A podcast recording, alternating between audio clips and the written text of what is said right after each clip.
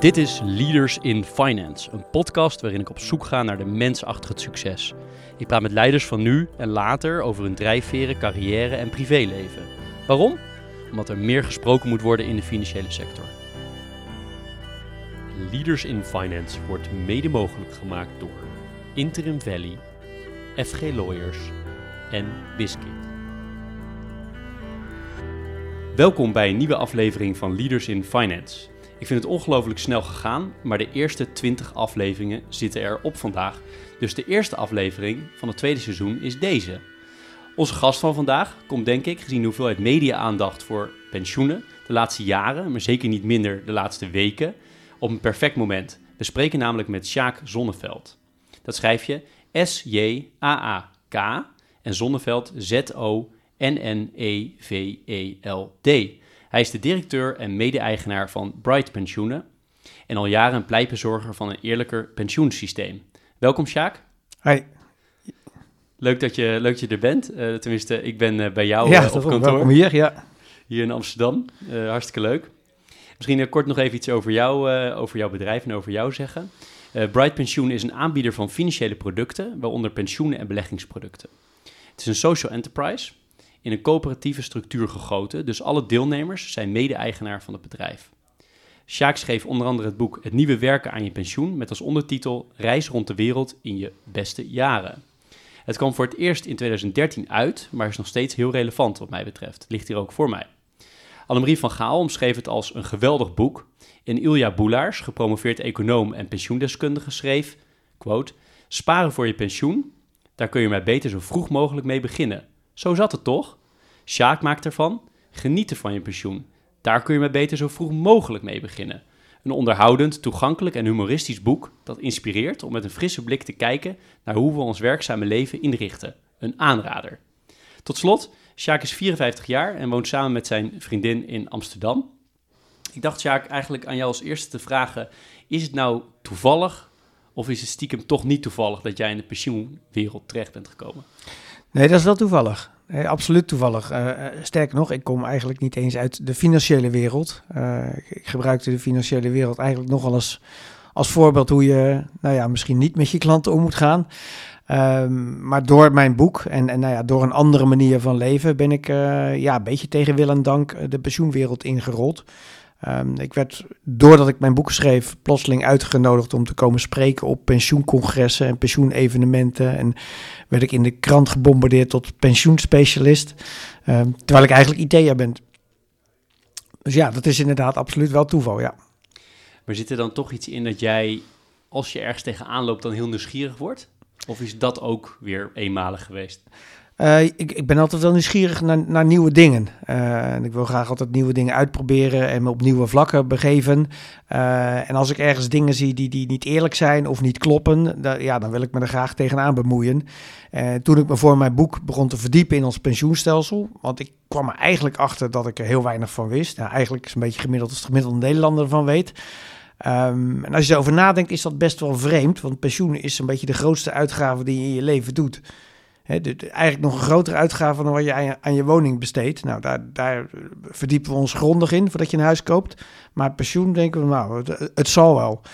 Uh, en toen ging ik ja, voor mijn boek verdiepen in ons pensioenstelsel. Want ik dacht, hè, Nederland, pensioenland, hè, een van de beste pensioenstelsels ter wereld. Dat zal wel goed zitten. Ja, en toen ontdekte ik dat het eigenlijk helemaal niet zo goed, of in ieder geval niet eerlijk was. En, en, en ook niet logisch naar mijn mening. En denk, ja, als iedereen weet iedereen dit wel? Nou, dat blijkt niet. Dus nou ja, eh, zo, zo kwam het een beetje. En uh, je was voorheen IT'er? Ja, niet zozeer een technisch IT'er, maar ik eh, altijd werkzaam in de IT-branche, in, in, bij softwarebedrijven gewerkt. Ik heb lang bij Exact Software gewerkt, bij Oracle gewerkt. Dus ja, echt softwareleveranciers, niks met finance te maken. Nou ja, boekhouden dan nog wel, maar... En mis je die wereld? Um, ja en nee. Soms uh, ja, soms een beetje, want ik vind het wel leuk om met, met IT bezig te zijn, maar dat, dat kan ik hier natuurlijk ook. Uh, tegelijkertijd mis ik het niet, want als ik dan weer een aantal dingen zie, denk ik, nou, dat heb ik, heb ik op zich wel gehad, heb ik weer achter me gelaten. En, en ja, ik vind het eigenlijk leuk om weer iets, iets heel nieuws te gaan, uh, gaan doen. En, en ja, en wellicht dat ik hierna weer iets heel anders ga doen. En wat heb je meegenomen uit die tijd daarvoor, hier naartoe? Uh, vooral hoe je met je klanten omgaat. Uh, zowel bij Exact als bij, nou eigenlijk moet ik zeggen PeopleSoft. Ik ben bij PeopleSoft gaan werken en die zijn uiteindelijk overgenomen door Oracle. Uh, daar stond echt hoe je met je klanten omgaat, echt, echt, echt zeer, zeer hoog in het vaandel. En daar werd alles aan gedaan, zeker bij, bij, bij een PeopleSoft. Daar werd alles gestuurd op, op ja, customer set, zoals het dan genoemd werd. En als ik weet het nog precies, als de, de, de, het percentage onder de 88% uh, eh, ging. En 88% betekent dat 88% van mijn klanten moesten op een schaal van 1 tot 7 een, uh, een 6 of een 7 geven. Zodra het minder werd, dan moest ik met allemaal verbeterplannen komen, et cetera. Vanuit het besef, ja, zodra dat gaat zakken op de lange termijn, schaadt ons dat meer dan, nou ja, uh, uiteindelijk, of, of net zoveel, maar niet, veel bedrijven gaan gelijk zodra de omzetcijfers achterlopen, hup, uh, met, met allerlei verbeterplannen. Eigenlijk doe je het veel beter als je zegt, ik ga nog verder voor zitten. Zodra de customer satisfaction cijfers gaan achter terugvallen, dan weet je dat op de lange termijn je dat gaat, gaat schaden. Ja, en dat, dat hele besef zat daar zo duidelijk in bij iedereen en het hele bedrijf draaide daarop. Uh, dus dat vond ik altijd uh, ja, heel erg leuk. Dat geeft heel erg veel energie. Geeft ook de mensen energie die, die daarvoor werken. En dat was zowel bij Exact Software. Toen ik daar de tweede periode terugkom, was dat net even wat minder gegaan. En had ik als belangrijke opdracht om dat weer uh, goed te maken. Dus dat heb ik ook wel hierin mee, meegenomen. Dat, je bent toen in die pensioenwereld gerold. Hè? En ik heb gelezen dat je, nou ja, wat je zelf ook al zei, je hebt heel veel uh, op conferenties gesproken. Je hebt geschreven erover, video's, uh, misschien ook wel podcast, wie weet. Um, dan op een bepaald moment dan word jij dat helemaal dat onderwerp natuurlijk. Iedereen spreekt je daarover aan. Is dat op een bepaald moment ook een soort van vermoeiend dat het altijd daarover gaat? Wij gaan het er ook natuurlijk weer over hebben. Ja. Voor, mij niet zozeer, maar als je het aan mijn vriendin vraagt, wel, uh, dat op met die pensioen, ik ben er helemaal klaar mee. Maar nee, ja, goed. Nee, nog steeds niet. Uh, en, ja, eigenlijk gewoon omdat er gewoon nog steeds veel moet veranderen. En, en, en ja, er gebeurt natuurlijk heel veel op dit gebied. En pensioen is natuurlijk niet in eerste instantie zeker niet het onderwerp dat je denkt, nou, dat is, dat, dat, is, dat is even boeiend. Um, maar het feit dat je, als je er als buitenstaander induikt en ook met een verse blik tegenaan kijkt. En, nou ja, en, en je ziet nu dingen veranderen. En nou ja, daar probeer je toch deel van uit te maken. Ja, dat is wat, wat energie geeft. Gewoon laten zien dat het, dat het anders kan. Dat je wel degelijk mensen heel blij en tevreden kan maken over pensioen. En, en ja, dat, is, uh, dat, dat geeft enorm veel energie. Dus nee, ik, uh, ik, ik ben er nog niet klaar mee. Nee. Kan je iets zeggen uh, qua cijfers over Bright uh, Pensioen? Hoeveel mensen werken hier? Hoeveel klanten zijn er? Of, of andere cijfers die je kan en uh, mag delen? ja, wat dat betreft zijn wij heel open. En, nou alles wat we, wat we mogen delen kun je ook terugvinden op onze, op onze website. we hebben op dit moment iets van 15 mensen in dienst. Nou, zoals je op kantoor ziet, de helft is ongeveer op kantoor en de helft werkt thuis. we hebben dat nu gesplitst. Um, daarnaast hebben we eigenlijk ook een hele grote groep van, nou ook weer ZZP'ers, uh, die ook allemaal weer klant zijn. Want we besteden eigenlijk heel veel uit. We proberen zoveel mogelijk samen te werken met echt de, de, ja, de beste in hun vakgebied. En dat gaat van, van SEO-specialisten tot uh, ontwerpers, tot tekstschrijvers, tot PR-specialisten. dus het virtuele team is eigenlijk wat groter. we gaan nu richting de 10.000 leden. Uh, want we hebben eigenlijk geen klanten, maar leden. Mensen zijn lid van de coöperatie. En die coöperatie is dus een van de aandeelhouders. Uh, dat bestaat deels uit uh, ZZP'ers en mensen die zelf hun eigen pensioen moeten regelen. ZZP'ers, DGA's. maar inmiddels komt zo'n beetje de helft van onze klanten komt ook via, via werkgevers die veel meer achter deze meer individuele en flexibele manier van, van pensioenopbouw staan. dus we hebben nu zo'n 500 werkgevers ook, ook als klant. Um, belegd vermogen zo'n 100 miljoen. Uh, hoewel dat voor ons eigenlijk niet zo relevant gegeven is, want wij verdienen daar niks aan. En dat, dat, dat maakt ons wel uniek eigenlijk in de, in de financiële wereld. Hè. Eigenlijk alle financials verdienen geld door een percentage van dat uh, belegde vermogen af te nemen. En wij hebben heel die geldstromen compleet gescheiden. Wat voor keuzes maken jullie als het gaat om een belegd vermogen? Waar, waar kan het wel naartoe, waar mag het niet naartoe? Nou, we hebben, we hebben een passieve beleggingsstrategie. Dus we, we beleggen in, in, in, in, uh, in mandjes van aandelen, in, in ETF's. Eh, en, we en dat moeten duurzame varianten zijn. We hebben een, een, duurzaam beleggingsbeleid, ESG-beleggingen, aangevuld met, met green bonds. Um, dat, dat staat redelijk stabiel. Dat is niet dat dat elke, elke maand verandert. Dus die, dat, die samenstelling van dat fonds is, een, ja, is eigenlijk een vrij statisch, statisch iets. Dus bij de selectie voordat er iets aan toegevoegd wordt. Nou ja, dat wat we overigens samen met uh, Mercer doen. nou, het belangrijk criterium is dus dat het, nou ja, dat het breed gespreid is, dat het duurzaam is. En heb ik daar als klant nou eigenlijk invloed op? Als klant en mede-eigenaar? En in misschien algemene zin, hoeveel invloed heb ik op het bedrijf als ik, uh, als ik klant ben en dus eigenaar? Ja, nou de, de deelnemerscoöperatie uh, die heeft op dit moment zo'n 12% van het aandelenbelang. Dat groeit naarmate het aantal deelnemers groeit. Uh, het is een coöperatie, dus we hebben een jaarlijkse algemene ledenvergadering. Die hebben we toevallig net vorige maand gehad. Uh, nou, daarin kan iedereen uh, punten naar voren brengen. Uh, we hebben een bestuur van die uh, deelnemerscoöperatie. En dat bestuur dat vertegenwoordigt de leden op de aandeelhoudersvergadering. de, de AVA, die was toevallig vorige week. Um, dus op die manier zorg je ervoor dat alle leden hun inbreng kunnen hebben als aandeelhouder uh, ja, op het beleid. Uh, nou ja, en al heel snel de, dat er een hele belangrijke wens van onze leden was om duurzaam te beleggen. ja, dat was wel, was wel duidelijk. Dus ja, we, hebben er natuurlijk belang bij om de dingen te doen die onze leden ook, ook willen. Maar goed, je kan niet individueel zeggen, ja, ik wil wel dat bedrijf, ik wil niet dat bedrijf. Weet je, dat is, het, fonds staat vast. Je kunt niet individueel bedrijven includen en uitsluiten. Um, dus dat is wat wij doen, maar daar laten we ons wel in adviseren. Je hebt het vaak over de, de oneerlijke elementen van het pensioenstructuur of pensioensysteem mhm. dat we in Nederland kennen. Uh, als je nou drie dingen zou mogen noemen die jij het meest oneerlijk vindt aan dat systeem dat wij gebruiken in Nederland, wat zou dat dan zijn? Uh, ja, de doorsneepremie, maar om daar nou weer niet te technisch uh, voor te zijn, maar ja, dat zorgt ervoor dat je, uh, ja, dat je in beginjaren eerst als, als jongere te veel betaalt. En als je je hele leven bij eenzelfde pensioenfonds blijft zitten, nou ja, dan betaalt dat zich aan het eind van de rit wel weer terug. Maar ja, wie zit nog zijn hele leven bij hetzelfde pensioenfonds? Vrijwel niemand. Dus dat maakt dat het, dat het systeem heel oneerlijk is. Ehm, het tweede aspect vind ik is dat ja, met name uh, laag opgeleide mensen, uh, lager opgeleide mensen, de, de, de zwakkere van de samenleving, de, de ongezondere, ja, die, die, ja, die, die, ja, die, die sponsoren eigenlijk de mensen die, die sterker zijn, die gezonder zijn. En dat gebeurt dan ook nog eens een keer allemaal onder het mom van solidariteit. Nou ja, voor mij betreft betaalt solidariteit, uh, betekent dat nou ja, de sterkste schouders de zwaarste lasten dragen. Bij pensioen is het eigenlijk precies andersom. Um, en dat vind ik niet uit te leggen. Uh, pensioen, als je het goed beschouwt, is een, is een verzekering tegen het lang leven risico. En ik zeg altijd, het is eigenlijk het enige risico waarbij we doen alsof dat risico voor iedereen even groot is. Terwijl als dezelfde persoon die misschien een zwaar beroep uh, doet, een, een kort leven risicoverzekering wil afsluiten, hè, een overlijdensrisicoverzekering, dan wordt er gekeken, ja, die, man heeft een profiel waarbij die waarschijnlijk sneller sterft, dus die moet een hogere premie betalen. Ja, bij pensioen is wordt daar niet naar gekeken. Uh, dus dat is een aspect ja, wat in ieder geval niet eerlijk is en wat bij niet veel mensen denk ik op het netvlies uh, staat. Um, daar zou best iets aan, aan, mogen veranderen. Uh, het derde aspect is gewoon het feit dat je je geld in een collectieve pot stopt. En dat er eigenlijk niet een direct verband zit tussen wat je in je leven inlegt en wat je uiteindelijk gaat terugkrijgen. Ja, dat is, vind ik ook niet uit te leggen. Pensioen is, is uitgesteld loon. Ik zeg altijd, van je gewone loon zou je ook niet accepteren dat het eerst in een gezamenlijke pot geknikkerd wordt. En daarna gaan allerlei mensen met regeltjes die pot herverdelen.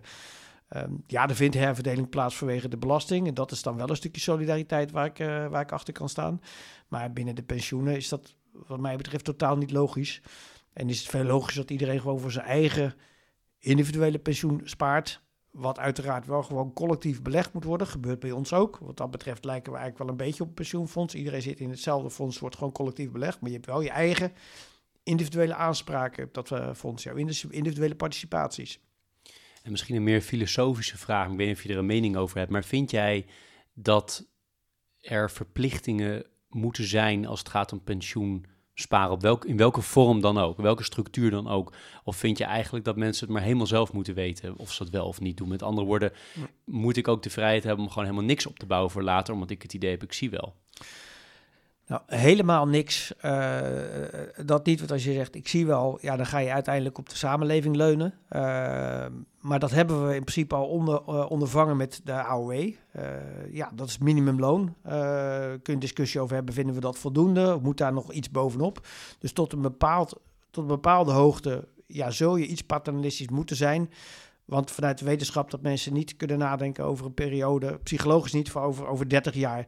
En dan geef je toch je geld liever nu uit. Uh, dat heb ik ook, dat heeft iedereen. Uh, dus als je daar helemaal niks aan zou doen, ja, hebben we met z'n allen een probleem, want dan heeft later uiteindelijk niemand iets.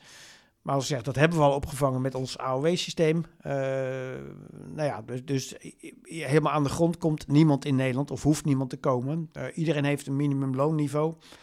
Nou ja, wat mij betreft zou je kunnen nadenken dat je daar nog ietsje bovenop legt. Maar dat hoeft al helemaal niet meer dan, dan tot uh, modaal salaris. Maar nu is het zo in Nederland, als jij een ton verdient, word je geacht over het equivalent van een ton verplicht pensioen op te bouwen. Nou, dat gaat nergens over wat mij betreft.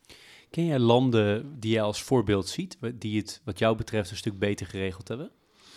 Um, nou, heel veel landen, de, pensioenstelsels verschillen enorm. Uh, dus er zijn in verschillende landen aspecten die ik, die, die ik positief vind. Uh, bijvoorbeeld, dat is heel bekend, het, het Chileens systeem in zijn eenvoud, waarbij je eigenlijk uit zes aanbieders kunt kiezen. en, en, en drie verschillende risicoprofielen. En je kan één keer per jaar switchen, een beetje vergelijkbaar met onze zorgverzekering. Dat vind ik een mooi systeem. Ehm, blijft erbij, hoe minder, oh ja, als je er weinig instopt, komt er niet genoeg uit. Dus dat, is een van de problemen die Chili nu heeft. Dus dan wordt er weer door de en mensen die tegen de verandering zijn van, zie je wel, dat systeem werkt niet. Ja, als je er niet genoeg instopt, komt er niet voldoende uit. Maar dat systeem werkt, werkt wel. Een ander systeem waar ik over, uh, enthousiast over ben, is het uh, systeem in uh, Singapore.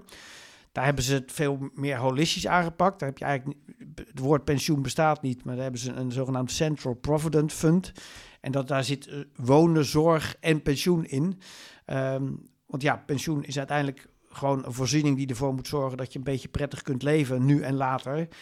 Uh, ja, en je geld zit ook deels in je woning. Dus dat zijn natuurlijk een beetje communicerende vaten. Dat is in Nederland eigenlijk ook. Want hier moet je en al verplicht een ton hypotheek opbouwen als je een ton verdient. Uh, sorry, een ton pensioen opbouwen. Je moet ook nog eens een keer verplicht je hypotheek aflossen ja, hoe, hoeveel vermogen wil je hebben straks op je 65? Dat, bedoel, dat is absoluut onnodig. Als je het ene doet, dan zou je minder van het andere nodig hebben. Dus, dat, dus zo zitten er in meerdere landen zitten aspecten die ik, uh, die ik goed vind. Uh, in in Nieuw-Zeeland mag je bijvoorbeeld uh, eerder aan je pensioen komen op het moment dat je in, in nou ja, severe financial hardship verkeert. Nou, vind ik ook een mooie. Hier zijn mensen, zeg maar, nou ja, ten tijde van de kredietcrisis bij wijze van spreken hun, huis uitgezet en als ze hypotheek niet konden betalen. Terwijl ze misschien wel twee ton vast hadden staan in een pensioenvoorziening waar ze niet bij konden. Ja. Dus ja, dus zo zitten er in heel veel landen, uh, nou ja, zitten er, uh, zitten er goede aspecten. En bewegen we de goede kant op wat jou betreft in Nederland? Um, ja, maar wel echt uh, tergend traag. Uh, als je kijkt bij de, de, in het pensioenakkoord, hè, de, de, de trend richting meer, individueel, meer individueel, terwijl ik wel ben van echt individueel, hè, nogmaals wel met collectief belegd, maar gewoon wel een eigen potje. Maar dat, die trend is ingezet, uh, is ook niet tegen te houden. Alleen ja, de, met name de bestaande vakbondswereld, die probeert er nog wel heel erg lang tegen te houden en vast te houden aan die collectiviteit. Waar als iedereen gewoon daadwerkelijk zich verdiept in wat nou die collectiviteit en solidariteit betekent, ik, nou moet je maar afvragen of je dat echt wil. Als ik wat toedraai naar jou, uh, naar jou persoonlijk, kan je iets zeggen over hoe je bent opgegroeid? Uh, hoe ben ik opgegroeid? Ik uh, kom uit Schipluiden. Dat is een dorp wat uh, tussen Delft en het Westland in ligt. middenstandsgezin. mijn vader was een boerenzoon, maar die heeft daarna eigenlijk zich om gaan scholen tot wat toen administrateur heette. Um, ik ben gaan studeren als eerste. Nee, mijn, mijn, mijn, mijn, mijn ouders konden dat in die tijd niet, want die moesten gewoon gaan, uh, uh, gaan werken. En um, opgevoed met ouders die de oorlog hebben meegemaakt. Dus heel erg van geen eten weggooien, geen dingen verspillen. erg tegen oneerlijkheid. Dat, dat, is nog steeds een ding wat, me drijft. Ook, onder andere dus met het pensioenstelsel. Maar ze, ja, dingen die oneerlijk zijn, daar heb ik wel de neiging om daar proberen iets aan te gaan, te gaan doen. En zijn er andere normen en waarden? Je noemde er al een paar, maar kan je nog iets op doorgaan die je hebt meegekregen die jou de rest van je leven wel hebben of nog steeds beïnvloeden? Ehm, ja, ik ben wel redelijk spaarzaam uh, opgegroeid, denk ik. Ik heb, ik heb altijd ook wel zeg maar, geld achter de hand uh, gehouden. En, en ja, dat is ook een van de dingen die wij ja, we bieden pensioen, maar ik wil met name eigenlijk een stuk financiële vrijheid bieden. En mensen ook laten realiseren dat geld uiteindelijk vrijheid betekent. Dus die, die, die vrijheid is enorm belangrijk uh, voor mij. Uh, je ook niet al te erg ergens aan vast willen leggen. Ik ben bijvoorbeeld ook niet getrouwd. Ja, dat voelt toch als jezelf vastleggen. Ja, je weet maar nooit of er iets gebeurt waardoor je op een bepaald moment uit elkaar kent. Dan moet je niet te veel drempels hebben om dat te doorbreken. Uh, ik heb ook geen koophuis omdat ergens, ja, gevoelsmatig wil ik altijd weer makkelijk weg kunnen. Terwijl dat natuurlijk geen probleem om je huis ook weer te verkopen. Maar dat, dus zeg maar, het stuk vrijheid zit er, uh, zit er erg in. Uh, heb ik dat van mijn ouders meegekregen? Ja, dat volgens mij niet eens zozeer. Sterker nog, mijn ouders hebben tot twee jaar geleden hun hele leven lang op dezelfde plek gewoond. Mijn vader in ieder geval. Dus dat, die zijn wat minder avontuurlijk dan, dan ik zelf. verandering is ook een hele belangrijke. Dus nieuwe dingen doen en, en nieuwe mensen ontmoeten, nieuwe eh, werelden zien, andere landen. Eh. Leuk. In je boek, uh, wat ik overigens met veel plezier gelezen heb, heb je het over het opzeggen van een best wel goede baan bij een best wel leuk bedrijf en met best wel leuke collega's, waar je het best wel naar je zin hebt en waarmee je best wel aardig wat geld verdient. Dat is best wel een grote stap om daarmee te stoppen. Mijn vraag is eigenlijk, zie je nou dat de meeste mensen dat nog steeds, dat dat de manier van denken is? Of is daar toch wel iets veranderd in de generaties onder jou? Generaties onder mij denk ik absoluut wel. Uh, maar ik zie, en zeker ook bij de, bij de grotere corporate finance... Uh, ja, mensen die al 20 jaar, 25 jaar, natuurlijk met best wel gouden handboeien om ergens zitten, uh, dan is die stap ook, ook groot. En ja, de kans dat je iets gaat doen waarbij je minder gaat verdienen, is ook heel groot. En dat zit er eigenlijk helemaal niet in. Dat je, dat je accepteert dat je misschien ook wel minder gaat verdienen, maar misschien veel meer gaat leven en meer lol gaat hebben en meer plezier gaat hebben. Ik zie zoveel mensen vastgeroest zitten in corporate Nederland die elke dag met zo'n sik naar hun werk toe gaan. Maar denk, ja, ik, ik kan niet anders, want als ik wegga, ja, ik krijg nooit meer zo'n salaris als dit. Ja, boeien. Uh, dat is niet het belangrijkste. En dat is want ik vond de eerste keer echt, eh, echt wel pittig om zeg maar, na twaalf jaar of zo, eh, of elf jaar, mijn, baan op te zeggen. En dat ouders die de oorlog meegemaakt hebben. Oh jongen, je hebt een goede baan, dat doe je toch niet. Je gaat toch niet weg. En uh, ja, dat is dan spannend. En dan merk je dat je eigenlijk toch wel weer makkelijk een nieuwe baan hebt. En de tweede keer is het minder spannend. En de derde keer denk je, nou, het zal wel weer goed komen. Terwijl ik toen inmiddels de 45 gepasseerd was. En zei joh, de gast dat je dat nog doet, kom je nog wel aan de slag. Maar door het reizen merk je ook dat je eigenlijk met gewoon 15 kilo bagage op rug en niet heel veel geld en niet heel veel spullen eigenlijk de mooiste tijd van je leven hebt. En dat je ja, uiteindelijk je, je vrijheid veel meer gaat waarderen dan geld en spullen. En, en ja, dus met plezier naar je werk. Ja, het is een cliché van hier tot Tokio, maar is by far zoveel belangrijker dan, uh, ja, dan het geld wat je ermee krijgt. Ik bedoel, ik verdien nu ook nog lang niet wat ik bij mijn laatste betaalde baan verdiende. Maar ik heb het veel beter naar mijn zin. Dat je de vrijheid hebt, dat je onderneemt, dat je het verschil maakt, dat je iets opbouwt. Dat zijn dingen die, die, uh, ja, die energie geven en niet geld. Maar je bent volgens mij wel door een hele verandering heen gegaan. Want je schrijft ook ergens in het boek, quote, ik leed aan het syndroom van meer. Ja. Dus er is een verandering, heeft daar plaatsgevonden. En ik denk dat vaak veranderingen door bepaalde triggers getriggerd worden. Uh, was dat bij jou ook zo? Was er iets moment of is het meer gegroeid? Nou, het was absoluut het reizen. Uh, en tijdens het reizen heb je dat nog niet eens zo, uh, zo door. Maar er zijn gewoon een aantal zaken tijdens dat reizen gebeurd. Waardoor je even met, ja, met beide benen op de grond staat. Zo was ik in 2002 in, uh, in, in Kuta, Bali. stonden wij in de Sari Club tot een dag voordat zeg maar, die bom daar ontplofte en 202 mensen het leven lieten. En wij waren dus net op tijd weg. We hadden drie avonden achter elkaar op diezelfde plek, op hetzelfde tijdstip gestaan dus ja, dus iedereen bellen de volgende dag. Van, oh, we hadden ook wel ingeschat dat de kans aanwezig was dat wij daar misschien ook wel stonden. Nou, dat, dat was dus net niet meer zo. Maar denk, ja, als je op het verkeerde moment op de verkeerde plek uh, bent, dan is het zo uh, zomaar even over. Um, dus dat zijn allemaal dingen. Als je dan terugkomt, uh, ja, denk, ja, het was echt wel de mooiste tijd van, van mijn leven. Dat wil ik nog een keer. Dus al heel snel dacht ik, als ik weer een keer in between jobs ben, dan wil ik er weer tussenuit kunnen. Dus ik begon al heel snel eigenlijk weer opnieuw geld opzij te zetten om, om, om dat nog een keer te gaan doen. Ik, uh, ja, toen ik terugkwam, kreeg ik bij mijn nieuwe baas, uh, bij Oracle in dit geval, kreeg ik een leaseauto. Maar ik woonde en werkte in Amsterdam en ik, uh, ding stond alleen maar parkeerkosten te, parkeergeld te kosten. Dus ik, ja, wat heb ik eigenlijk aan die leaseauto? Weet je, het kost handen voor, ja, het is wel status, maar ja, het is een zonde van je geld. Dus het scheelt ik 800 euro per maand aan bijtelling en ellende. Um, dus ja, toen ben ik Greenwheels gaan, uh, gaan rijden, want er stonden vier van die dingen in mijn straat. Uh, en eigenlijk met als doel om gewoon toch wel weer gewoon een buffertje achter de hand te hebben. Om die, om die vrijheid te kunnen. Dat, ja, dat wordt ook wel eens wordt het fuck-off money genoemd. Dat je in ieder geval kan zeggen op het moment dat je werk klaar mee bent. Jongens, ik, ik ga er weer even tussenuit. En je zei ook van door reizen leer je veel over anderen, maar leer je nog meer over jezelf. Wat zijn dingen die je echt over jezelf verder hebt geleerd? Nou, voor, ja, vooral weer dat, dat het belang van vrijheid. Dat dat, zo zo'n belangrijk ding voor mij, uh, voor mij was. Uh, ja, dat is, dat is vooral tijdens het, uh, tijdens het reizen geleerd. Dat ik inderdaad helemaal niet zo materialistisch was. Terwijl ik daarvoor een, een, dikke auto, eerlijk gezegd, ook wel stoer en belangrijk vond. En, en, en mooie spullen.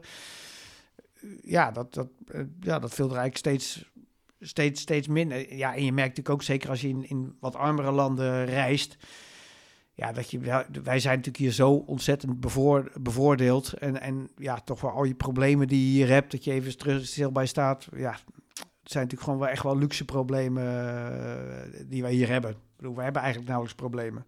En als je dat, ja, als je gewoon maar doorroept, dan denk je van wel. Maar even, even die, die stap terugnemen, dat, uh, ja, dat, dat heb ik daarin wel, uh, wel geleerd je beschrijft heel mooi hoe, uh, hoe Amerikanen nog even, in dit geval waar het geloof ik Amerikaans, als ik het goed onthouden heb, nog even naar een land gaan om maar te kunnen zeggen, ik heb weer een vinkje in het aantal landen. Tegelijkertijd schrijf je zelf ook alweer over hoeveel landen je bezocht hebt. Dus dan toch even stiekem de vraag, ik vind het toch leuk om te weten, hoeveel landen heb je nou eigenlijk bezocht? Uh, ik heb volgens mij nu een stuk of 75 of zo. En ik, ik, moet absoluut wel toegeven dat je dan nu af en toe denkt van nou, oh, dat is weer een, uh, weer, een nieuwe erbij. Terwijl ik zeg, dit is absoluut geen, eh, geen doel. Um, maar ik merk ook wel dat je ja, ook daar weer door, door, door, naar minder gebruikelijke landen te gaan en, en die vaak echt zo ongelooflijk mooi. We zijn vorig jaar naar Albanië geweest, wat misschien niet direct bij iedereen, nou, minstens zo mooi als Kroatië. Super vriendelijke mensen. Het kost werkelijk geen pepernoot. En er gaan nu nog heel weinig mensen heen op vakantie. En, en, nou de Baltische Staten zijn we pas geweest. We zijn vorig jaar gelukkig, want nu gaat het bijna niet meer, uh, een paar dagen naar, uh, naar Libanon geweest ja, ook fantastisch. Ik, dat, ja, proberen landen te zoeken waar je die misschien niet direct op het netvlies staan. Het feit dat het iets heel anders is. Tuurlijk is Italië mooi, Spanje mooi, Frankrijk mooi. Maar ja, hebben we wel een beetje gezien uiteindelijk. Geeft al het reis niet ook enorm veel onrust? Of met andere woorden, kan je ook enorm genieten van gewoon hier vlakbij zijn en iets, uh, iets ondernemen? Of moet je altijd weer weg? Dat hoor ik toch ook wel door het hele gesprek ja, tot nu toe. Op, op termijn moet ik wel weer een andere omgeving. Uh, ik merk dat ik, als ik heel lang in dezelfde omgeving zit, dat ik, dat ik mijn creativiteit en, en inspiratie kwijtraak. Ik heb daardoor, want eigenlijk had ik gepland om, uh, om een tijdje, ik heb ook een camper, uh, om een tijdje met de camper door Europa heen te gaan. Nou, dat zat, zat er even niet in. Dus ik ben eigenlijk de afgelopen maand, een, zijn we vier weken lang ben ik gewoon met mijn vriendin door Nederland, eh, zowel met de camper als bungalowparken gezeten, om er gewoon even in een andere omgeving te zitten. Ik heb gewoon gewerkt, maar wel in een andere omgeving. Ik merk dat ik daar weer energie van krijg. Uh, terwijl dag in dag uit, weet je, dat thuis zit op diezelfde kamer en dan is en je privé en je werkruimte ook nog eens een keer één. Ik merk dat ik daar van afstompte. Uh, dus ik heb verandering nodig. We zijn de laatste week zijn we zelfs eigenlijk naar Zuid-Limburg gegaan. Dat had toch het meeste buitenlandgevoel nog. Dan, ja, ik merk dat ik dat wel nodig heb. Dus ik, ik, ja, kan er best wel weer naar uitkijken om weer even naar een keer naar een land te gaan waar ik, uh, waar ik nog niet geweest, uh, geweest ben. Maar goed, ik kan ook absoluut genieten van, uh, van de natuur in Nederland, van, van kitesurfen hier op, het, op, op de zee of ja, van even je rust pakken. Je hebt zelf meerdere sabbaticals ondernomen, om het maar zo te zeggen. Heb jij een beeld bij hoeveel mensen in Nederland dat nou eigenlijk doen, sabbaticals? Ja, dat, nou, dat is wel interessant. Daar heb ik eigenlijk geen, geen, geen idee bij. Ik merk wel dat heel veel mensen dat toch wel ergens een soort bucketlist dingetje hebben, hebben, hebben staan. En ik zeg altijd, ja, ik, bij mij is het dan toevallig reizen, maar dat hoeft helemaal geen reizen te zijn. Hè. Het kan ook zo eens een keer, uh, nou ja, ik hoor dus net van jou dat jij het uh, nu ook gedaan hebt, dat je dingen, ja, wat, wat zou ik nou echt heel graag willen doen? Ja, ik ga dat vooral niet uitstellen tot, tot, tot je pensioen. Uh, en ik denk dat de millennial generatie absoluut al zo is. Hè. Tussenjaar is natuurlijk een bekend begrip. Dus uh, ze hebben eigenlijk al sabbatical voordat ze überhaupt uh, gewerkt hebben. En ik geef ze overigens echt helemaal groot, groot gelijk. je kan je hele leven nog, nog werken. Um, ik merk dat meer mensen het gaan doen, maar dat de, ja, mensen wel daar een, een vrees voor, voor hebben. We hebben ook een, een luisteraarsvraag. Mijn naam is Bas van der Meij en ik werk bij Swishfund als kredietanalist. De reden dat ik Leaders in Finance luister is omdat ik nog maar een paar jaar werkzaam ben in de financiële wereld. En ik vroeg me af, hoe divers is de industrie eigenlijk? Hoe denken de mensen achter het succes? En wat kan ik van hen leren? Mijn vraag heeft daar dan ook mee te maken. Mijn vraag is, wat is de beste feedback die je ooit hebt ontvangen? Uh, de beste, nou, wat een hele fijne feedback was, en die ik daardoor kon gebruiken, als iemand zei, uh, je moet jouw jouw jouw storytelling moet je eigenlijk veel meer gebruiken, ook binnen je werk, om, om, om, om ja, om je collega's uh, te, de, ja, te inspireren. Uh, want ja, ik, ik heb best veel, veel verhalen, maar die gebruik ik eigenlijk op het werk, werk nooit. En, en ja, terwijl die heel vaak wel, wel van toepassing is. Want ja, werk en privé, dat gaat ook steeds meer, uh, meer door elkaar. En ik heb echt gemerkt dat dat, ja, dat dat helpt en dat dat ook werkt om mensen daarin in mee te krijgen en, en een beetje te inspireren. Dat is mooi. Geef je zelf makkelijk feedback aan andere mensen? Ook je collega's hier, je medewerkers? Um, ik denk van wel. Ja, ik heb het idee dat ik niet daar uh, heel erg voor, terug, uh, voor terugdeins. Nee. En wat voor soort dingen zeg je vaak tegen mensen? Wat ja, vaak is, terug? Ja, het is, het is wel heel veel gewoon eh, werkgerelateerd. Uh, dus ja we, ja, we hebben elke dag, ja, we praten heel veel met elkaar. We, hebben, we beginnen elke dag al met een stand-up. Helaas, nu is dat virtueel en, en, en met meerdere tegelijk, met meerdere kleine, kleine teams. zodat we daar ja, eigenlijk dat, dat een soort continu proces is. Ik, ja, ik ben minder van de één keer per jaar uurlang de, de, de jaarlijkse beoordelingsgesprekken. God, ik weet nog van de vorige werk, uh, werkgevers, wat dat eigenlijk altijd. Het leek van alle kanten een soort van dissatisfier te zijn. Uh, niemand had er zin in. De managers hadden er geen zin in. De medewerkers hadden er geen zin in. En ja, zelfs bij een Oracle moest het elk kwartaal. Want dan was het weer voor de hele bonus gebeuren. En de bonuspool. En dat iets wat een soort van positief was, werd er een soort van blok aan je been elk kwartaal weer. En dat, uh, dus ja, eigenlijk gewoon een soort heel directe feedback. Die je eigenlijk continu vrijwel dagelijks uh, geeft.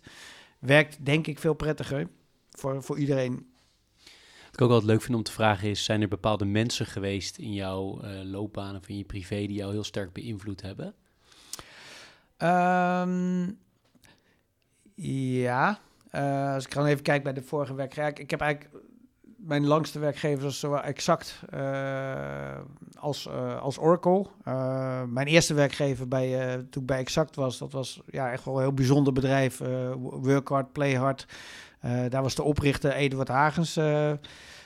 toch wel een hele inspirerende persoon waar ik dingen van geleerd heb. maar ook dingen van geleerd heb zoals ik het niet zou willen doen.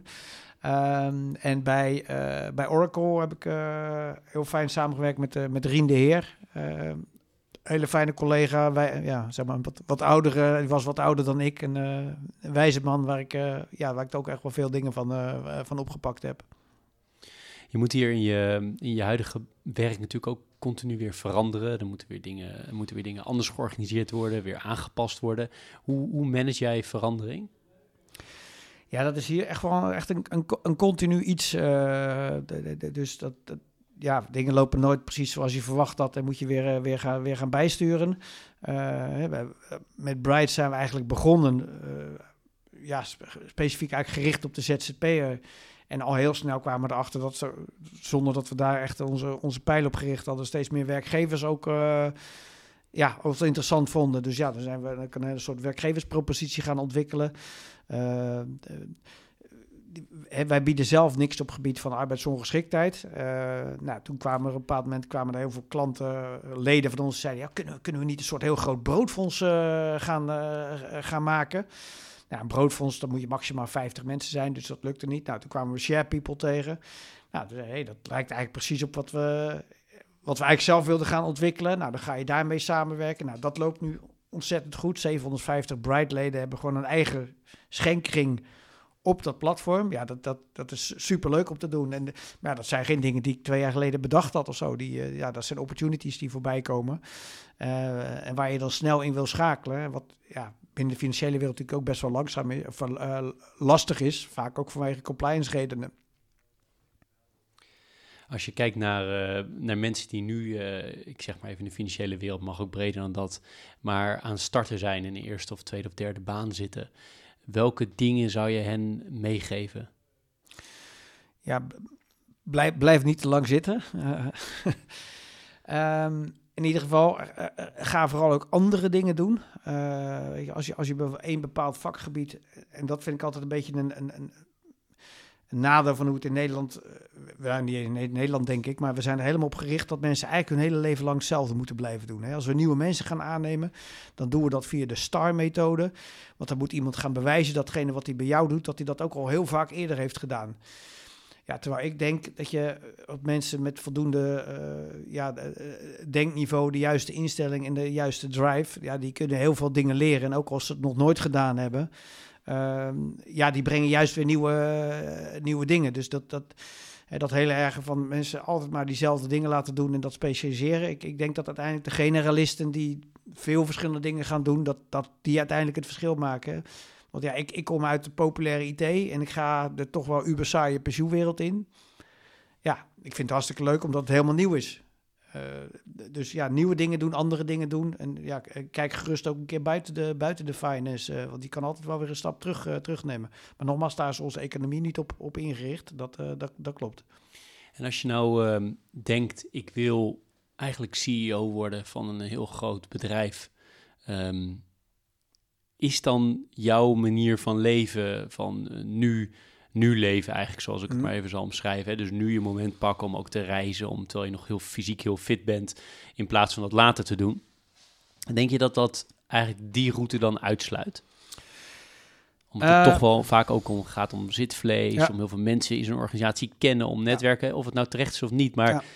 sluit je het uit? Nou, bedoel, ik, denk niet dat je elk jaar uh, een paar maanden met sabbatical kan, maar uh, een paar jaar CEO ergens zijn en om vervolgens weer een halfjaartje ertussenuit te gaan, uh, ik denk dat dat prima zou moeten kunnen. Um, mij werd ook wel eens gevraagd van, ja, vind je dat dan niet vervelend dat je gaten in je cv hebt? ik zei, nou, ik, ik heb helemaal geen gat in mijn cv. Ja, want je bent een paar keer op sabbatical. Ik zei, nou, er staat toch op mijn cv sabbatical? Dat is toch geen gat? Oh, is dat die. Als er morgen iemand bij mij komt werken en ik weet dat hij net een half jaar op sabbatical geweest is, neem ik hem direct aan. Want ik weet uit ervaring dat hij boordevol ideeën en boordevol energie zit. Terwijl als ik iemand heb die er net af, afgelopen 15 jaar al ditgene hetzelfde heeft gedaan wat hij bij mij ook moet doen, nou, die komt niet met heel veel energie binnen. Um, dus ik denk dat het zou moeten kunnen. Uh, dat je prima een paar jaar ergens CEO uh, kan zijn. En ik denk sowieso dat, nou ja, dat je niet altijd uh, 10, 15 jaar ergens moet blijven zitten. Dus ik denk een, eh, een, een periode van drie tot vier jaar als CEO bij een bedrijf, denk ik dat dat eigenlijk lang genoeg is. Dan hebben we, ik weet niet of je aflevering hebt geluisterd, we hebben ook een teaser en een pleaser. Uh, aan de teasende kant heb ik het volgende opgeschreven. Um, en dat gaat weer over de pensioenen uiteraard. Uh, vrije keuze voor een pensioenaanbieder is nog niet uh, voor iedereen weggelegd. Niet iedereen kan dat, omdat natuurlijk toch veel mensen in, in een bepaalde structuur terecht of geduwd worden door de, door de wet. Um, en daarom zal het voor, voor bedrijven zoals Bright Pensioen lastig zijn om echt nog heel groot te worden. En om iets te veranderen moet, moeten partijen zoals jouw partij misschien wel fuseren en samengaan met andere kleine partijen. Wat vind je daarvan? Um, nou, je hebt gelijk dat je zegt van hè, zolang de pensioenwet niet verandert en mensen niet kunnen kiezen en zeg maar de, de, de, de gedwongen winkelnering uh, ook wel bekend als de grote verplichtstelling er nog is. Hè, die zorgt dat mensen op basis van het werk wat ze doen verplicht bij een pensioenfonds zitten. Uh, dan zal het inderdaad uh, lastig zijn om op pensioengebied in Nederland heel groot te worden. Maar wij kijken ook over de, we gaan ook kijken over de grenzen. Uh, wat dat betreft is Nederland eigenlijk natuurlijk helemaal niet zo'n goed land voor ons, voor de individuele pensioen, omdat wij een hele grote verplichte tweede pijler hebben. Dat laatste gaat denk ik wel veranderen. Uh, dus dat die keuzevrijheid er komt. En wat mensen zeggen, ja, mensen kunnen niet echt kiezen. Nou, als je het zo inricht dat als er niet gekozen, als je niet kiest, dat de default geldt, is dat ook helemaal geen, uh, geen probleem. Dan blijven mensen gewoon bij hunzelfde pensioenfonds zitten. Maar begin nou eerst eens om mensen die keuze te geven dat als ze daar niet willen, dat ze kunnen overstappen. Dat zorgt ervoor dat al die pensioenaanbieders scherper moeten gaan worden, klantgerichter zullen moeten gaan worden. Want anders lopen hun klanten, uh, klanten weg. En dat hoeft niet vaker dan één keer per jaar te doen. Hè. Vergelijk maar weer met die, met die ziektekostenverzekering. Um, het gaat niet op korte termijn gebeuren, maar het gaat, het gaat ooit gebeuren. Daar ben ik wel van, uh, van overtuigd. Maar als gezegd, als de, de, de, voorlopig kunnen we ook nog wel genoeg in Nederland groeien. Het aantal ZZP'ers en mensen die hun eigen pensioen moeten regelen, uh, groeit alleen maar. Ook steeds meer werkgevers die dus niet verplicht bij een pensioenfonds zitten, die ook voor deze, deze manier kiezen. Dus de groei is er hier nog niet uit. Maar nogmaals, ik, ik, ik denk, eh, in, ook in het buitenland geldt het probleem dat heel veel uh, mensen het, het, vertrouwen in de financials kwijtgeraakt zijn. En het, het, model waarbij de deelnemers gewoon eigenlijk eigenaar worden van hun eigen financiële instelling, die hun, ja, ik denk dat dat in meer landen uh, gaat werken. En aan de pleasende kant, um, los van je eigen boek, wat je ongetwijfeld vaak aan mensen cadeau hebt, uh, hebt gedaan, zijn er bepaalde boeken die je hebt gelezen die uh, veel invloed op jou hebben gehad of die je altijd adviseert aan mensen? Ehm, nou, niet boeken. Die, de, de laatste tijd raad ik heel veel mensen aan om het boek The Mandibles te lezen van Lionel Shriver. Het is al van 2017 of misschien al 2016. Een beetje apocalyptisch verhaal. Uh, het is non-fictie, maar het, of nee, het is fictie, maar het leest als, als, als non-fictie. speelt in Amerika. Ehm, je kent wellicht het boek Als de dollar valt van uh, Willem Middelkoop. Nou, dit is, hier valt de dollar daadwerkelijk. De, overige landen onder aanvoering van China hebben een nieuwe wereldmunt, de bankor, geïntroduceerd. En van het een op het andere moment zijn eigenlijk alle staatsobligaties van Amerika niks meer waard. Um, en Amerika ja, belandt dus echt in een hele diepe crisis. En dan zie je dus in, in tijdsbestekken ja, wat er dan gebeurt. Uh, maar je ziet toch echt wel een aantal zaken daarin genoemd worden die heel erg ja, lijken op wat er nu gebeurt. Grappig is, hè, bijvoorbeeld, je had hier de oké-boomer uh, ding. Nou, dat wordt in dat boek toevallig, daar noemen ze het boomerpoep. Die, die babyboomers die belachelijk gemaakt worden en waar er veel te veel van zijn. Uh, op dat moment is de grens met Mexico en uh, Amerika dicht, want Amerikanen willen de grens over naar Mexico en dat mag niet. Nou, dat hebben we tijdens corona hebben we dat zien gebeuren. Uh, dus ja, er komen toch wel wat, wat dingen. Nou, dat, dat, het is namelijk heel erg realistisch. Eh, ja, dit, dit kan echt makkelijk gebeuren. En, en zeker voor mensen die in de finance werken, is dit, uh, is dit absoluut een, een aanrader om te, om te lezen. Leuk. Leuk om interessant. Ik, ga het, ik ken het niet. Ik ga het, ga het denk, ik, denk ik ook lezen. Uh, kan je iets zeggen over hoe jij jouw privé en je werk organiseert als je aan het werken bent? Wat je toch het meeste tijd van je leven ja. uh, doet, uh, denk ik. Alhoewel je wat sabbaticals hebt in, ingericht. Maar hoe combineer je die twee dingen? Want het is toch ook wel weer een veel eisende baan, gok ik. Ja. Ja, ik, ja, het loopt een beetje door elkaar heen. Uh, zoals bij veel mensen, zoals gezegd, afgelopen maand was ik, was ik door Nederland heen, maar ik heb wel gewoon, uh, gewoon gewerkt. Um, maar ja, ik, ik sta wel, zeg maar, aan of uit. Dus ik, ik zou best wel weer een keer een sabbatical willen nemen van, nou dat zal geen half jaar worden, maar wellicht een paar maanden. ja, nu gaat, nu gaat gewoon veel tijd op aan werk, maar ik heb geen kinderen. dat scheelt, want ik vind het altijd heel knap hoe mensen met kinderen het ge ge georganiseerd krijgen. Uh, in de weekenden doe ik zo weinig mogelijk. En ja, dan ga ik echt uh, met mijn vriendin dingen samen doen, met de camper op pad, ga kitesurfen. Ik ga, maar door de weeks, ja, behalve gewoon s'avonds een keer uit eten, ja, staat veel in teken van werk, dat klopt. Maar het voelt, als je eigen bedrijf hebt, dat voelt ja, niet zozeer als werk. Het is, ja, je doet dingen die je gaaf vindt en die iets, die iets opleveren. En, en, ja, dus dus dat, maar dat scheid ik op die manier een beetje. En hoe ga je met stress om? Ja, ik roep altijd dat ik niet zoveel last van stress heb, maar ik kan altijd aan mijn vingers zien als ik daar uh, aan heb zitten. Uh, ik mediteer elke dag. kan ik echt iedereen aanraden. En, en, voor iedereen die dat lastig vindt, zou ik zeggen: als je echt een keer een life-changing ding wil doen, ga een keer een tiendaagse Vipassana meditatie uh, doen. Is heel zwaar, maar absoluut wel, wel lijft. En dan voel je pas wat het daadwerkelijk met je, met je doet. Um, ja, dat probeer ik minimaal één keer per dag te, te, doen. En dan merk je ook echt dat je je hoofd eventjes uh, echt even, even leeg maakt. En dat lukt ook met, met, met, met sporten, met hardlopen, met wielrennen, et cetera. Dus dat, dat doe ik ook. Maar ja, ik probeer toch echt wel elke dag even te mediteren. Hoe ben je bij dat mediteren gekomen? eigenlijk met een paar vrienden, overigens die ook in onder andere bij in, in de financiële sector werkte, bij, eh, eh, bij Optiver. En, en jongens die eh, nou, wat geen zweverige types eh, waren, zeg maar. En die eh, eigenlijk toch allemaal zonder uitzondering daar heel enthousiast over waren. Die die Vipassana soms wel meerdere keren gedaan hadden. Dus ik denk, nou, als, als, als die jongens dat... eh, een beetje zo'n try before you die ding toch wel. Ik wil toch wel alles graag een keer meegemaakt hebben. Dus die, en het mediteren lukte me eigenlijk nooit echt goed. Als ik het thuis probeerde. Ik probeerde het al jaren, maar echt lekker ging het niet. Ik denk, nou, dan ga ik een keer echt de, de, de, de, de, de full. En ja, dat is, dat is absoluut, eh, absoluut zeer de moeite waard. Maar wel zeer, eh, zeer zwaar. Nog even terug naar de, naar de pensioenen. Waar gaat nou uiteindelijk de verandering die jij zo graag wil zien? Hè? Die dingen die we eerder bespraken aan het begin van dit, eh, dit gesprek over Mhm. dingen die je als oneerlijk eh, eh, beschouwt in de pensioenwereld. Waar gaat nou uiteindelijk de echte verandering vandaan komen? Is dat vanuit het bedrijfsleven, vanuit de politiek? Is het vanuit misschien experts, de wetenschappelijke wereld? Is het vanuit de klanten? Wat, wat zal, denk jij, uiteindelijk de, de meeste gewicht in de schaal leggen? Kijk, uiteindelijk moeten de politiek een aantal dingen gebeuren. Want ja, zolang de wetgeving niet verandert, dan.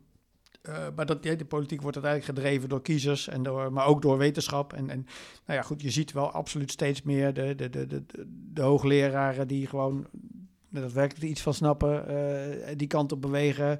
Ehm, de- Netspar. eh, dus het is een combinatie van. En uiteindelijk zeker ook, eh, schat ik wel, in bedrijven zoals wij en anderen die gewoon laten zien... Hey, eh, want de overheid is ook niet blij dat we... Ik bedoel, we hebben, het, we hebben het hoogste pensioenvermogen ter wereld, maar ongeveer de grootste pensioenontevredenheid ter wereld. Ja, hoe kan dat? Nou, dan zit er iets niet goed in het systeem. Nou, als je dan ziet dat er een partij is waar, waar de klanten wel waanzinnig tevreden mee zijn en, en daar denk nou, daar zit dan misschien iets in wa- wat wel werkt. Ehm, dus denk een combinatie van die factoren gaat, gaat die beweging wel in gang zetten. Maar het begint ook met mensen eh, het, het, het informeren en dat mensen gewoon snappen hoe het nu werkt. En ik, ja, dat, dat is toch niet echt eerlijk, dat klopt toch niet helemaal. Ik denk dat veel mensen jou als heel likable zullen zien. Hè? Iemand die, eh, waar, je, waar je veel, je bent heel, je komt heel open en transparant en eerlijk over en heel, je zegt gewoon wat je denkt. Eh, dat tenminste, dat gevoel heb ik. Hè? Ik Mhm. kan het mis hebben, maar ik denk dat meer mensen dat, eh, dat hebben, gok ik. Is dat niet ook een perfecte, perfecte mix om in de Tweede Kamer te gaan zitten? Om vanuit daar de pensioenwereld te proberen te veranderen? Of zeg ik nou iets heel raars? Nou ja, dan moet je heel politiek correct zijn. En ik zeg niet altijd even politiek correcte dingen. Dus dat. eh, eh, ben niet. Ehm, maar soms jeuken mijn handen wel. En wij zijn ook eh, een van de, de, ja, de ondersteuners van de werkvereniging. En dat is eigenlijk een heel nieuw initiatief waar eigenlijk meerdere clubs, hebben de, de vernieuwers achter staan. En die staat voor modern werkenden. Dat is eigenlijk alles wat zeg maar, niet het contract voor een bepaalde tijd voor de rest van je leven bij hetzelfde bedrijf is. Maar mensen die vaker switchen, die dan een ZZP'er zijn of deels ZZP'er. Nou, die worden nu niet vertegenwoordigd in de Tweede Kamer. Nou, dat, en de werkvereniging geeft die een stem. Ehm, en we merken dat daar steeds meer oren voor... eh want het is natuurlijk absurd dat, eh, ja, dat de huidige polder... dat die over ZZP'ers praten en beslissen. Eh, ja, die hebben daar eigenlijk helemaal... eh, dat is niet hun achterban. Eigenlijk hebben ze er heel weinig mee te, mee te maken. Dus op die manier via de werkvereniging proberen wij eh, ja, voet aan grond in Den Haag te krijgen. En we merken dat het eh, steeds vaker ook gaat, eh, gaat lukken. Voordat ik je wil gaan bedanken voor, voor het leuke gesprek, is nog iets waarvan jij zegt dat had ik echt nog willen zeggen? Of Jeroen, dat had je moeten vragen? Al- altijd een lastige vraag. Nee, ja, er schiet me nu niks te binnen. Wellicht over vijf minuten. Maar dat, nee, volgens mij hebben we een heel leuk, eh, heel leuk en open en eh, breed uitwaaierend gesprek gehad. Leuk om, leuk om te horen. Ik vond het ontzettend leuk om met je gesproken te hebben. En Ik heb in ieder geval een heel ander beeld bij het, het Zwitserleven gevoel gekregen, wat, wat je ook zo mooi beschrijft in je boek. Heel erg bedankt voor je, voor je tijd. En eh, ik, ehm, ik, ik ben erg benieuwd wat mensen ook weer van dit, eh, dit gesprek gaan vinden. Maar nogmaals veel dank eh, voor alles wat je met ons gedeeld hebt. Nou, jij bedankt voor het podium. Heel graag gedaan. Dit was Leaders in Finance. Elke week weer een nieuwe aflevering. Elke week weer een mens achter het succes. Ik vind het belangrijk om te zeggen, deze podcast zou er niet zijn zonder onze partners. Interim Valley, FG Lawyers en Biscuit.